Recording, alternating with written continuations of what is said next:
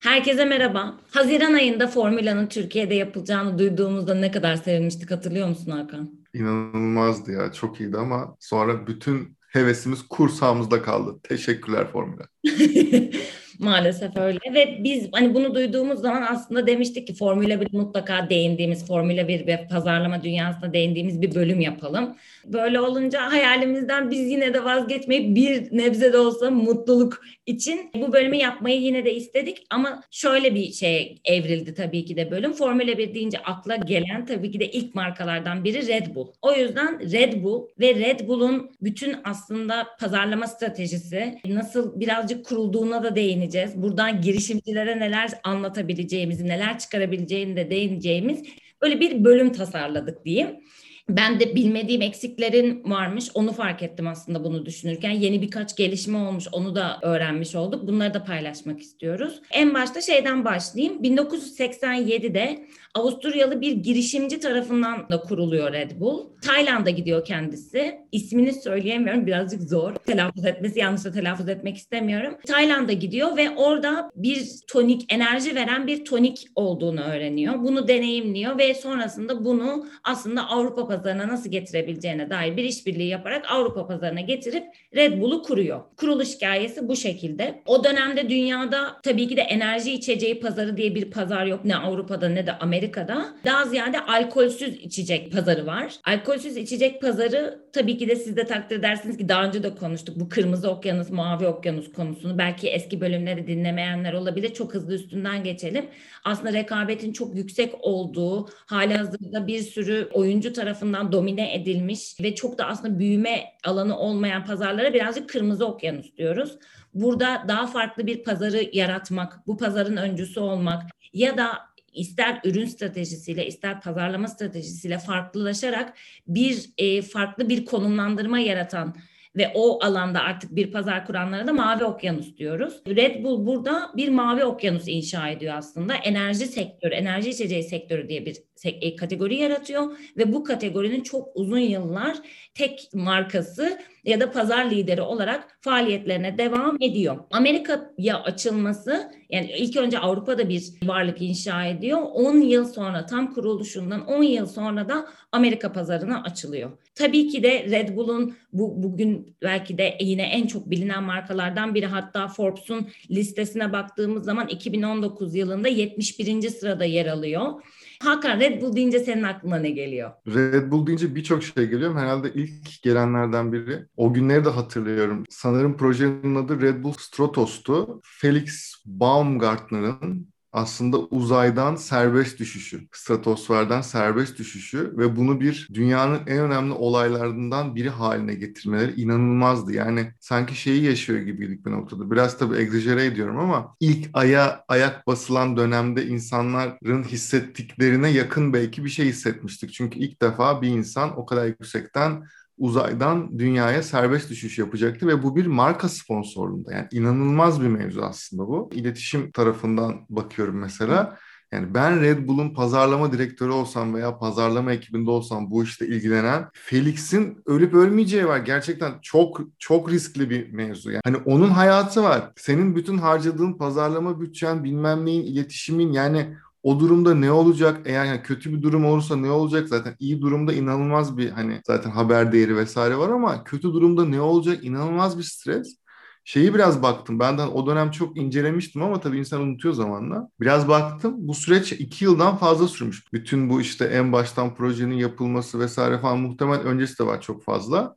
Ama asıl böyle hani bir işte pazarlama, iletişim enstrümanı olarak bunu kullanmaları bu mevzu iki yıldan fazla. O dönem birkaç tane not aldım hatta şeyde. Bir tanesi mesela en önemlilerden bir tanesi bu şey 10 dakikadan fazla sürmüş aslında. Yani 10 dakika düşüyorsun ya hani şey olarak. Free fall. Ve bunu tabii tabii free fall yani serbest düşüş ve bunu canlı olarak dünyada milyonlarca insan izliyor. Bir marka sponsorluğunda bir serbest düşüş ve bunun hepsi serbest düşüş değil. Yani 4 dakika 19 saniye civarı sanırım.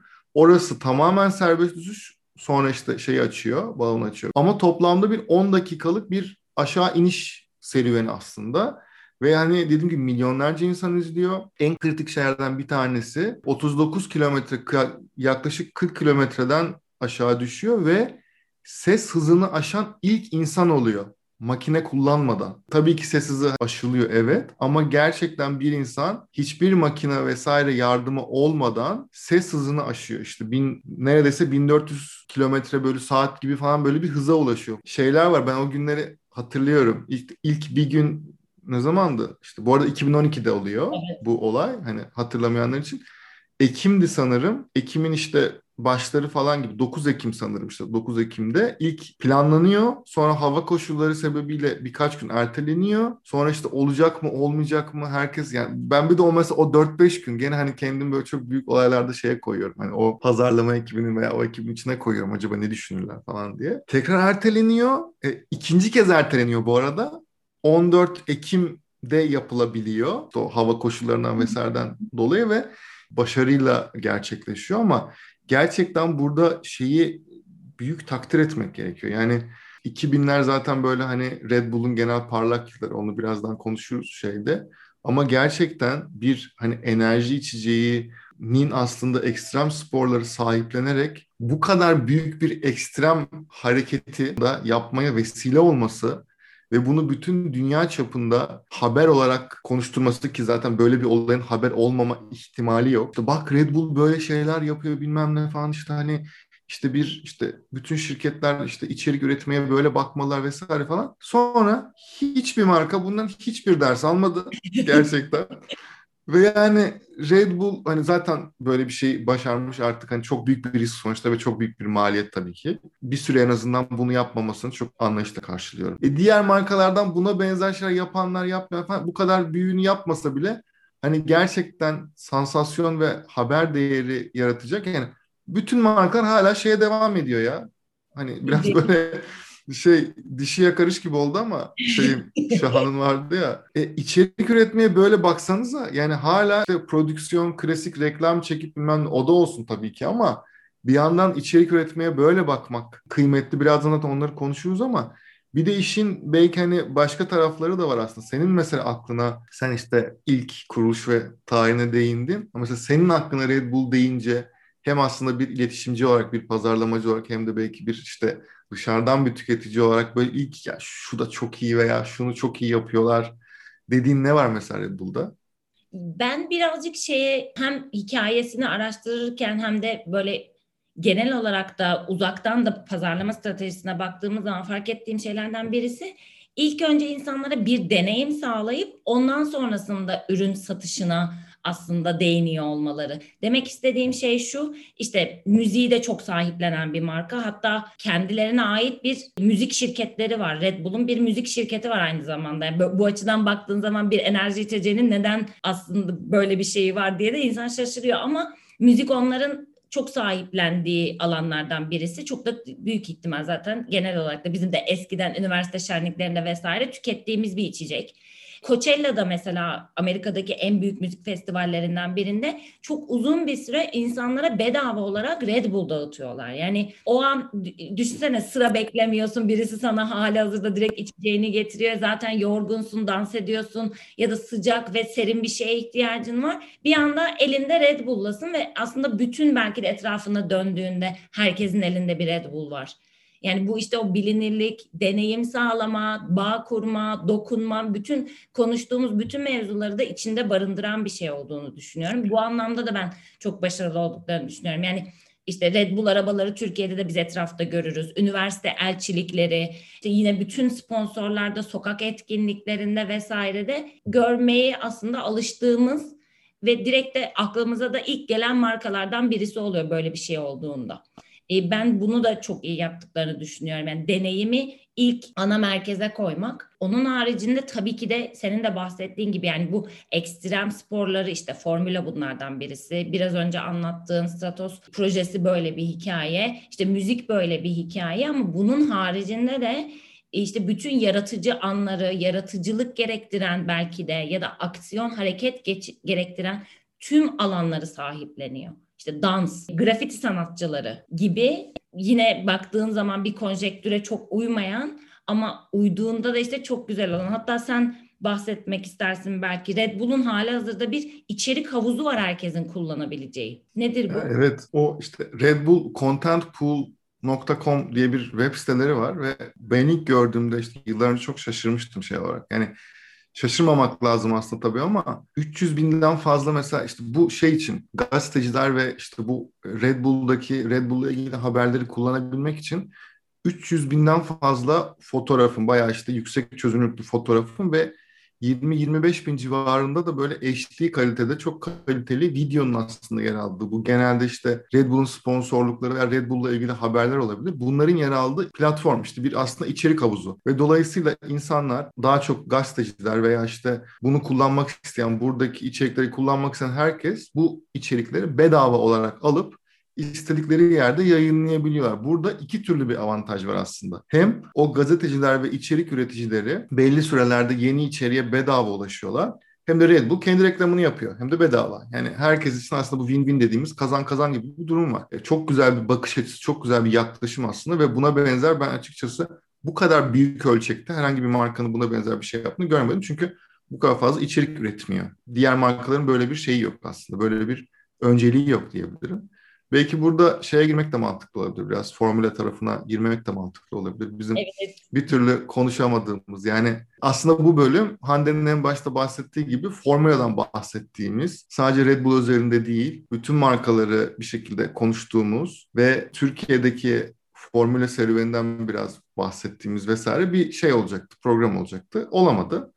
E, bari Red Bull'un Formula serüveninden çok az bahsedelim burada. Hani bir şekilde girelim. Yani Red Bull ilginç bir marka hakikaten. Yani burada da şeye geliyor. Yine Hande senin söylediğin aslında içeriği ve içerik üretimini aslında ürünün önünde tutarak her zaman. Burada özellikle ekstrem sporlarla işte aslında Formula da bir noktada ekstrem bir spor olarak belki adlandırılabilir. Çünkü çok gerçekten çok inanılmaz bir emek, inanılmaz bütçeler isteyen çok ilginç bir aslında spor. Motor sporları genel olarak tabii.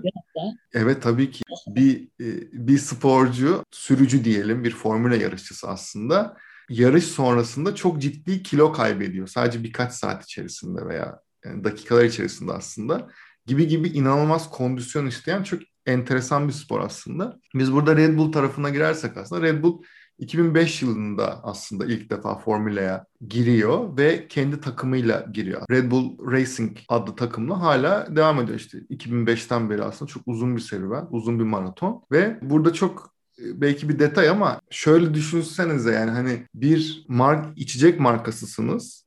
Gerçekten çok büyük bir organizasyon sponsor oluyorsunuz ve bir takımınız oluyor orada. Ve şöyle bir şey var masada yani e motoru kimden alalım? Tabii diğer yani, o dönemki rakiplerin hepsi araba yani günün sonunda ya motor üreticisi ya da araba şirketi. Evet. Motoru kimden alacağız? Falan gibi mevzular var. İşte uzun yıllar işte önce başka bir şeyle anlaşıyorlar. Sonra işte bir yıl Ferrari var. Ferrari'den motor alıyorlar. Sonra işte uzun yıllar Renault motoru kullanıyor. Bayağı 2019'a kadar Renault motoru. Sonra anlaşamayıp tekrar işte Honda ile anlaşıyorlar vesaire gibi şeyler var. E, burada amacımız ne tarafında benim araştırmalarda gördüğüm hem de şeyde kendilerinin de bir şekilde çok açıkça söylediği aslında neden Red Bull neden Formula yarışlarına sponsor dediğimiz zaman tabii ki işin yani görünürlük, bilinirlik vesaire tarafını kenara koyuyorum ama şöyle bir şeye denk geldim formülaya eğlenceyi yeniden getirmek diye bir aslında slogan ortaya koymuşlar ve aslında çok güzel bir slogan bu. Şeyin birazcık o sıkıcı dünyasından gerçekten çünkü şöyleydi sürekli Ferrari şampiyonluğu falan böyle saçma sapan bir durum var falan gibi bir noktadaydı. Gerçi tabii öncesinde çok önceki yıllarda McLaren'in falan çok uzun yıllar şampiyonlukları var falan ama hem markayla hem markanın gücüyle markanın aktivasyonlarıyla diyeyim hem de e, yeni bir marka olarak yeni bir iddialı bir markayla aslında biz de buradayız diyerek aslında gerçekten eğlence tekrar getirdiler. Çünkü 2005'te girmişlerdi. 5 yıl sonra üst üste 4 yıl şampiyon oldular. 2010, 2011, 2012 ve 2013 yani bu aslında inanılmaz bir başarı. Formula'da hani belki çok bilmeyenler varsa şöyle bir durum var. Her takımın iki sürücüsü olur ve iki sürücüsünün toplam puanı o yıl sonunda şampiyonun kim olduğunu aslında gösterir. Yani sizin çok iyi bir tane sürücünüz varsa eğer o sürücü bütün yarışları kazansa bile aslında şampiyon olamıyorsunuz gibi bir durum var. Dolayısıyla iki sürücüyle yani bir aslında takım oyunu gibi bir durum da var falan. Az önce bahsettiğim şey aslında bu. O parlak yıllar bu. 2012 yılında yani tekrar mesela o Red Bull'un global ekibinin içinde olduğunuzu düşünün. 2012 yılında hem serbest düşüş var hem de şeyde şampiyonsunuz Formula'da. Yani 2012 muhtemelen altın yılı geçişimsel olarak. Çünkü yer gök Red Bull ve dolayısıyla çok önemli. Bir de şimdi şöyle bir durum var ya bu arada biz işte Hande'ye de aramızda konuştuğumuz bir şey aslında. İşte çok büyük işte paralar, bütçeler bilmem neler falan işte lazım falan. Şimdi o çok büyük paralar, bütçeler bilmem ne diğer genelde büyük markaların reklam için harcadığı bütçeler. Çok kritik bir veri var. 2011 yılında yani bu altın yıl olarak söylediğim yıldan bir yıl önce Red Bull Formula için 284 milyon dolar harcamış. 284 milyon dolar yani neredeyse bir çeyrek milyar dolar gibi bir para harcamış. Şimdi bu ama işte bak işte gördün mü falan? Hayır. 285 milyon dolar da kar etmişler. Yani bir, bir milyon dolar da kardalar bu arada. Yani dolayısıyla o harcadıkları paranın hepsini sonuna kadar harcamışlar bu arada. Almışlar da. Tabii burada şöyle bir kritik bir risk de var. Sanırım o yıl yani hala öyle mi tam emin değilim ama 80-90 milyon dolar civarı arasında şampiyonluk ödemesi oluyor Formula'nın. Ve dolayısıyla onu alamasalar da yani tabii zararda olacaklardı ama günün sonunda aslında karda bile olarak tabii hani 1 milyon dolar kar bu kadar büyük bir bütçenin içinde kar gibi sayılmaz belki ama aslında her şey bütçe, her şey o güç değil. Gerçekten bir şeyin peşinde uzun süre gidebilirseniz, ilerleyebilirseniz aslında burada iş başka bir noktaya, çok başka bir noktaya da geliyor. Buradan şeye bağlamak lazım. Tabii çok fazla Red Bull konuştum çünkü Red Bull çok ilginç bir marka.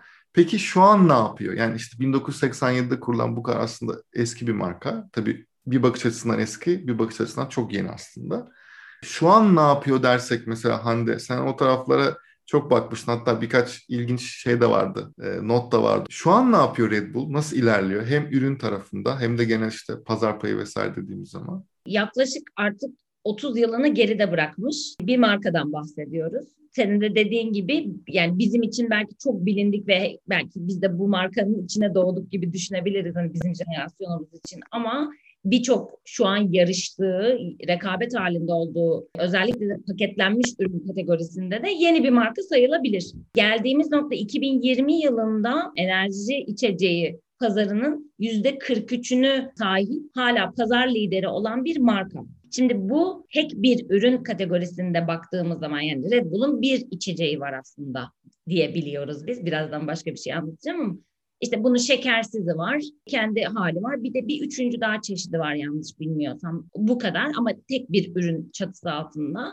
gayet başarılı. Ama bu bir ürünle hayata devam etmek mümkün mü? E, hep bu bir tane ürününle sen yüzyıllar boyunca işte bu bilinirliğe sahip olmak, bu pazar payına sahip olmak kolay bir şey değil tabii ki de. E, zaten baktığımız zaman yine onun rakiplerine ya da etrafımızdaki birçok şeyde herkes farklı kategoriler, farklı seriler, işte e, sub brand dediğimiz alt markalar vesaireler üreterek de hem üre, üre, ulaştığı hedef kitlesini genişletip hem de pazar payını da genişletmek ya da işte farklı pazarlar inşa etmek, yeni olmayan mavi okyanuslar inşa etmek üzerine de stratejilerini kuruyorlar. Bu anlamda Red Bull da bir aslında hareket başlatmış ve yeni bir ürün serisi çıkarmış. Organics by Red Bull adında bir soda, meyveli sodalar, daha doğrusu aromalı sodalar desek daha doğru olur. Aromalı sodalar markası inşa etmiş ve bunun altında hem teneke kutuda hem cam şişede farklı tatlarda tonikler satıyor. Bu şu an sadece Avrupa'da, Amerika'da da anladığım kadarıyla biraz daha online'da vesaire devam eden çok böyle bangır bangır bağırmadıkları bir marka. Çünkü iki tane Instagram'da hesabına denk geldim. Bir tanesi İtalya, bir tanesi de kuruluşunun olduğu Avusturya. Şu an birinde 5000 takipçi var, birinde de yan, yanlış hatırlamıyorsam 3000 takipçisi var ve e, hiç o Red Bull'un alıştığımız içerik makinesi diyebileceğimiz ya da iç, belki medya şirketi diyebileceğimiz algısını şu an burada hiç görmüyoruz. Markanın adında Bay Red Bull'un spesifik olarak şu an vurgulanıyor olmasının da bence bir nedeni var. Onun için senin de fikrini merak ediyorum. Bu sağlıklı yaşam trendlerinin, sağlıklı beslenme trendlerinin Türkiye'de belki çok yansımasını görmüyoruz. Çünkü Türkiye'de bu ürünler çok pahalı ve o yüzden de belki birazcık geride kalıyor ama Amerika'da Los Angeles'ta özellikle başlayan ve Amerika'nın birçok aslında eyaletine yayılan e, obezitenin artması vesaireyle beraber devletin de çok ciddi desteklediği bir sağlıklı yaşam, sağlıklı beslenme trendi var.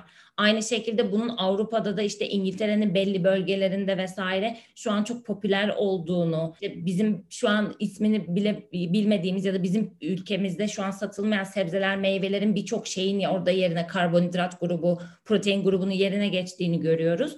Bu da bir ciddi bir fırsat olduğunu düşünen çok fazla marka var. Sanırım Red Bull da bu alana oynamak istiyor ama Red Bull'un kendi şimdiye kadar yarattığı şeyle bu pazarın dinamikleri çok örtüşmüyor. Aynı kullanıcı sanki ya da aynı tüketici grubu orada yok gibi. Sen bunun hakkında ne düşünüyorsun? Orada işleri çok zor hem de bir yandan bunu yapmaları gerekiyordu sanırım. Çünkü şöyle bir durum var. Şimdi sen dediğin aslında o sağlıklı yaşam, sağlıklı beslenme trendinin üzerinde enerji içeceği dediğimiz şey ne kadar daha devam edecek bilmiyoruz. Aynı şey işte Coca-Cola'nın vesairenin de aslında başına gelen şey. Bu o bu tarz içeceklerin ne kadar süre daha devam edeceğini ve ne kadar süre daha hayatımızda kalacağını bilmiyoruz. Yani gerçi hani işte sigara gibi bir durum da var sonuçta. Hani bir noktada yasaklar geliyor fakat yine de hayatlarına devam ediyor bu ürünler vesaire ama bir noktada daha belki şey olacak. Yani şu, şunu görüyoruz ya Türkiye'de de var mesela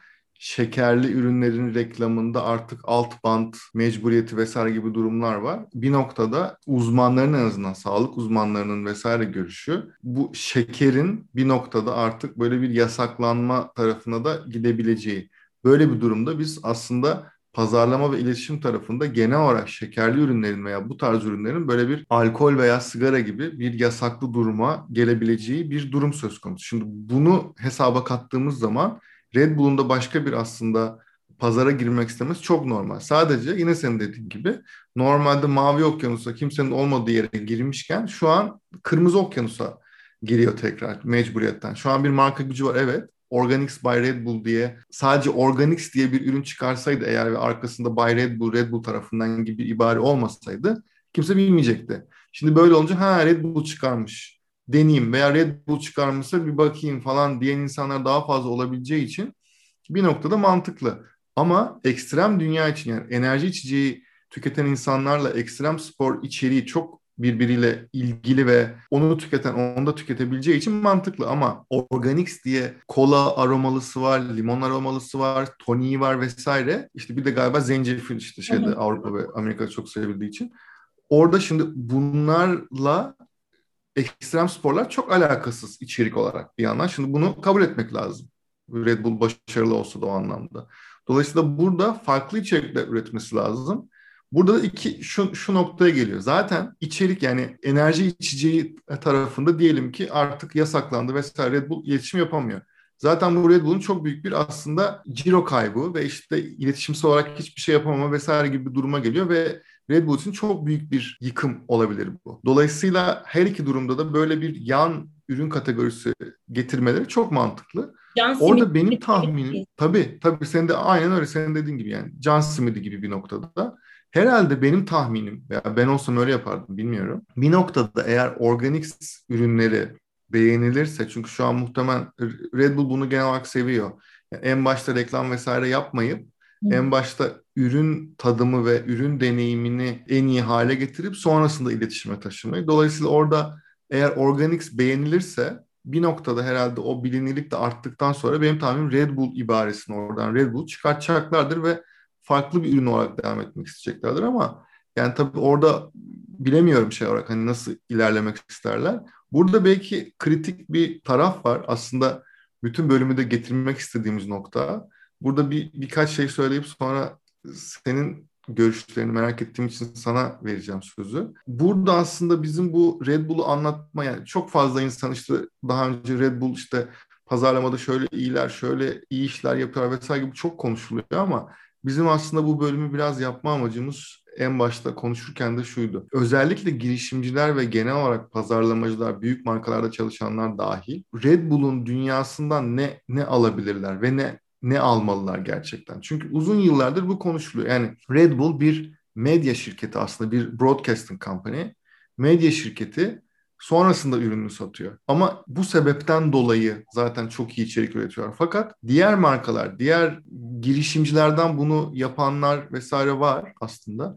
Ama genel olarak diğer markaların birçoğu bu tarafta yani deniyorlar ama bir şekilde olmuyor. Dolayısıyla biz burada girişimcilere özellikle tabii ki marka temsilcilerine de buradan ne ne verebiliriz? Yani Red Bull'a bakıp da çünkü hep şu şu mevzu var ya sen de çok konuşuyoruz bunu. Yani girişimciler hep şöyle diyor mesela. O çok büyük marka, onun bütçesi, parası var. O yapıyor. Ben yapamayabilirim.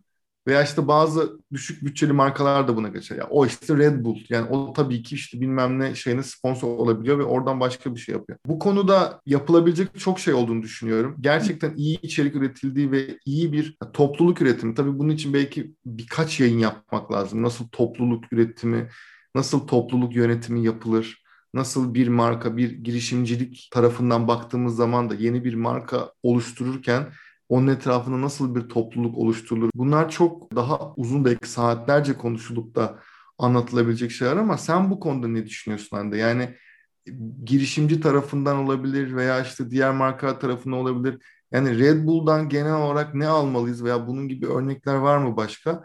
Senin fikrini merak ediyorum ben açıkçası çok. Şimdi öncelikle ben şeyden taraftarım birazcık. Yine ister marka olsun ister girişimci olsun bir küçük başlama mevzusu önemli. Çünkü ister istemez bilinmedik ve ilk defa denenen bir şey. Şimdi Red Bull'un bu kadar şeylerini konuştuk. 2012 yılında yapılan şeyi konuştuk. İlk defa bu riski almıyor Red Bull. Yani daha önce ufak risk almış, başlamış, başarmış, işte doğrusunu yanlışını görmüş ve bir sonraki adıma geçmiş ve bir sonraki adıma geçmiş gibi. Yani şirketi kurduk ve biz yarın işte stratosferden bir insan atlatıyoruz gibi bir risk değil bu. O yüzden de bu küçük başlayıp birazcık deneyerek hem öğrenmek hem de ya da işte bir marka tarafındaysa belki 10K'lık bir bütçe ayırarak örnek veriyorum. Ee, bir şey denemek. Hani vardır ya her markanın aslında böyle ufak proje, deneme bütçeleri, yeni mecra, yeni kullanım bütçeleri vardır. Girişimci tarafında da bunu 10K değil belki işte 1K'lık bir şeyle ben ne yapabilirim? Yani işte çok aklıma gelen basit örnekler var ama yapılmış olanların üstünden anlatmak istiyorum. Ben bu hafta yani bu son bir aylık dönemde benim karşıma çıkan iki örnek. Bir tanesi Bostan Meze. E, bir arkadaşımın doğum günüydü. Pandemi nedeniyle tabii ki de dışarı çıkamıyoruz. E, meze istedik. Dedik meze isteyelim ve gerçekten inanılmaz bir deneyimle karşılaştık. Bu arada yemek sepetinde puanı çok yüksek olduğu için ve yorumları çok iyi olduğu için seçtik. Ben daha öncesinde herhangi bir e, iletişim kanalına bakmadım. Çok güzel paketler içerisinde. İşte her biri böyle cam kavanozlarda üstünde ne olduğu yazıyor, içeriğinde ne olduğu yazıyor. Yine böyle işte craft ipler vesairelerle iki, iki koca paket bize meze geldi. Ve işte bir tanesi hediye olarak gönderilmiş. Bunun haricinde üstünde bir tane yine e, craft bir kağıdın üstünde QR kod. Arkasını çevirdiğimiz zaman işte e, sizin için çok keyifli bir e, playlist hazırladık. Dinlemek isterseniz şeklinde gönderilmiş. Çok İçin kenar, kenarında bir not. Ya bu günün sonunda baktığımız zaman meze yapıp satan hani en basit anlamıyla bunu hiç şey bir niyetle söylemiyorum basite indirgemek için değil. Hani şirketin değer önerisi nedir diye baktığımız zaman meze yapıp satan bir şirket, bir girişimci bu. Sonrasında tabii ki de ben şoka girdim. Yok artık falan diyerek ve Instagram hesaplarına girdim hemen. Ve fark ettim ki Instagram'da da içerik üretiyorlar. Yani işte küçük oyunlar, e, işte kupon biriktir işte ve şöyle bir şey yap, sizle büyüyoruz, sizden gelenler e, yine orada da farklı işte bu böyle şarkı dokunuşları şimdilik sadece İstanbul'da ama yakında tüm Türkiye'de vesaire gibi bir şeyle karşılaştım. Instagram'dan tabii ki de hemen onlar adına bir content üreterek ya şok oldum çok güzel ne kadar güzel diyerek e, mentionladım anında dönüş çok teşekkür ederiz memnun olduğunuza çok sevindik. Yani bir orada müşteri ilişkileri de var. Hani uzay boşluğunda kalmadı benim paylaştığım şey e, ya inanılmaz beğendim. Çok küçük dokunuşlar. Bunun için harcadığı bütçe ambalajlama. Yani hani en basit fiziksel olarak bana yaşattığı deneyimde bir ambalajlama. Play, Spotify'da bir playlist oluşturmak ücretsiz. Yani herkes yapabilir bunu. Ya da işte bunu yaparken izleyebileceğiniz bizim sevdiğimiz filmler önerisi. Herkes yapabilir ücretsiz. Bunlar çok ufak dokunuşlar. Sadece işte o ne yapmak istediğinizle alakalı. Yani herkes mezesini benden alsın. Neyle reklam basayım? Hayır. Bak ben bir daha asla başka bir yere bakmam. Restoran açsınlar ilk müşterileri olurum. Bir seferde bana sağladığı bağ. Bir ikinci yine bir marka yeni nesil menstrüel ürünler aboneliği. Beige Woman diye bir marka. Zor bir pazar. Halihazırda çok ciddi rakipleri olan ve çok yerleşmiş. Zaten iki ya da üç tane marka var bu kategoride. Ve hani bütün başka da muadili de olabilen ya da işte farklılaşabilen bir sek alanda değil. Bir abonelik sistemi bu. Tamamıyla şey e, sürdürülebilirlik vesaire üzerine web sitesine girdiğiniz zaman neden bu parayı ödüyorsunuz? Diğer markalarda aldığınızda neye ne parası ödüyorsunuz? Çok yakın bir zamanda PMS e, telefon hattı gibi bir şey başlattılar. Yani işte yazabiliyorsun ya da işte neden e, bu yani kadın sağlığı ve kadın e, üreme sağlığı diyelim, diyelim ona onun hakkında çok fazla bilgiye erişebileceğin, ya gerçekten bir dostun gibi merak ettiklerini sorabileceğin, burada sağlık tavsiyesi gibi değil ama daha bir hem gerçekten bilimsel bilgilerin paylaşıldığı hem de daha e, duygusal destek gibi e, bir komünite oluşturmuşlar. Hafta işte aylık olarak gönderiyorlar vesaire. Yani süper fikir, süper uygulama, inanılmaz bir bağ kurma, akılda kalma, ürün de iyi ise ömür boyu sadık kalabileceğin bir sistem. Yani yapması çok kolay. Sadece üzerine bence gerçekten düşünmek gerekiyor. Son bir örnek bahsedeceğim. Bu da e, LinkedIn'de adını vermeyeceğim ya da istiyorsan veririz de. Bana bir tane e, sponsorlu bir mesaj geldi bir markadan. Bir e, şey akaryakıt markasından madeni yağlarla ilgili. İşte madeni yağınızı değiştir. Yani ben neden o hedef kitledeyim hiçbir fikrim yok. Ben çünkü hayatımda hiç arabayı servise götürmedim. Yani ya işte bir arkadaşımdan rica ediyorum o götürüyor. Ya işte periyodik bakımı geldiğinde ben bırakıyorum. Yani ne yağ konulduğuna dair hiçbir fikrim bile yok. Eminim bu arada böyle erkek de çok fazla vardı. Her erkek arabasının işte ne konulacağını vesaireyi çok daha önemsediğini de düşünmüyorum açıkçası. O araba tutkusu olan ve bu kategoriyi takip eden bir kitle var. E, bana böyle bir mesaj geldi. İşte daha detaylı akaryakıtlar şeylerimiz, madeni yağlarımız vesaire hakkında bilgi sahibi olmak istiyorsunuz diye şeklinde bir de web sitesi uzantısı var. E, neden? E, neden? Yani neden? E, gel, gel, ya. Gel. A, tamam paran var belli tamam yani LinkedIn'de bu arada bir, hani o da yine konuşmak istediğimiz konulardan biri link, beyaz yaka burada reklam verenlere de şeklinde ama Evet. E, o da yine bir ajandamız, konularımızdan biri. Yani A neden o hedef kitle değil? B bana ulaşacaksan ve senin madeni yağın olduğunu söylememi istiyorsan benimle neden böyle bağ kuruyorsun? Ben olayı bilmiyorum. Halbuki yine çok hızlı bir şekilde aklıma gelen e, araba araba ne bir yerden bir yere gidiyoruz, bir vakit geçiriyoruz. Mesela yol hikayelerinin konuşulduğu bir podcast'in neden sponsorlamazsın? Çok güzel.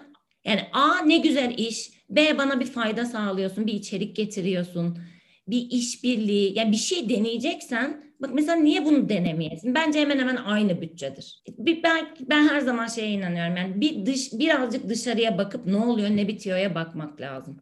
İçeride insanlar farklı neler yapıyor. Bunu işte marka yöneticisine söylediğimiz zaman işte onaylanmıyor ki şöyle olmuyor ki gene Don Kişotluk mevzumuza dönüyoruz.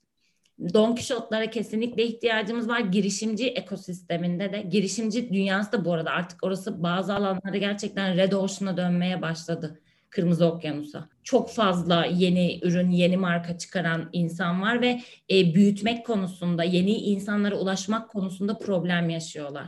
Çok güzel örnekleri var. İlla bunun için yurt dışına dönüp bakmaya da gerek yok e, ufak ben, ben olsam ne olurdu diye sorduğunuzda zaten bence cevabı da çoğu zaman çıkıyor. Çok konuştum gene Hakan sen ne düşünüyorsun? Bence şahane kapanış olabilirmiş bu. O kadar güzel anlattın ki bu arada.